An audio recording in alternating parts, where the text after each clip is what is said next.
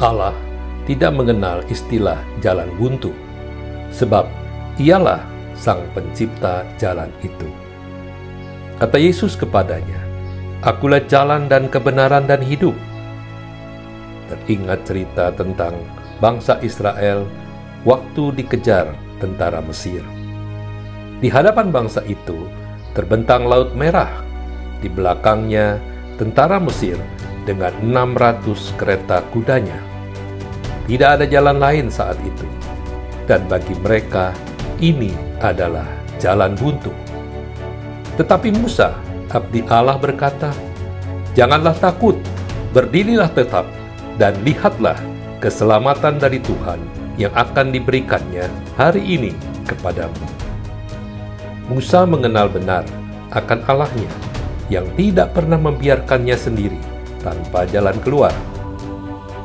Maka datanglah firman Allah kepada Musa, "Dan engkau angkatlah tongkatmu dan ulurkanlah tanganmu ke atas laut dan belahlah airnya, sehingga orang Israel akan berjalan dari tengah-tengah laut di tempat kering. Belum pernah ada peristiwa laut terbelah, dan mungkin saat itu tidak pernah terpikir sama sekali bagaimana jalan keluar Allah kepadanya. Tetapi Allah dengan kemahakuasaannya dapat melakukan apa pun untuk menyelamatkan umatnya. Ada seribu satu macam cara Allah menyelamatkan umatnya, bahkan dengan cara yang mungkin tidak pernah dapat kita bayangkan.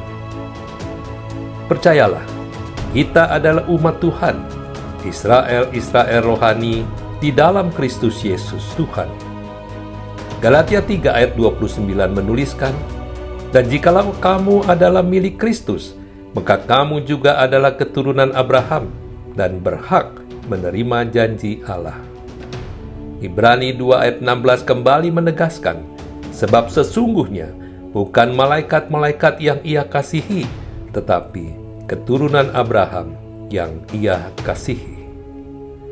Saudara, Apakah saat ini kehidupan kita sedang menghadapi jalan buntu? Mari datang kepadanya, karena Yesus berkata, Akulah jalan. Datanglah kepada Tuhan dengan hati remuk dan minta ia bertindak untuk menciptakan jalan bagi kita. Dan percayalah, dia akan buka jalan. Berdoalah kepadanya seperti Daud yang tertulis dalam Mazmur 89 ayat 6 sampai 7. Katanya, Pasanglah telinga kepada doaku ya Tuhan, dan perhatikanlah suara permohonanku. Pada hari kesesakanku, aku berseru kepadamu, sebab engkau menjawab aku. Bagi Tuhan, tidak ada yang mustahil. Bagi Tuhan, tidak ada yang tak mungkin.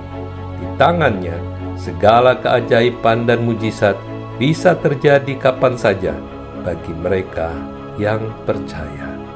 Amin.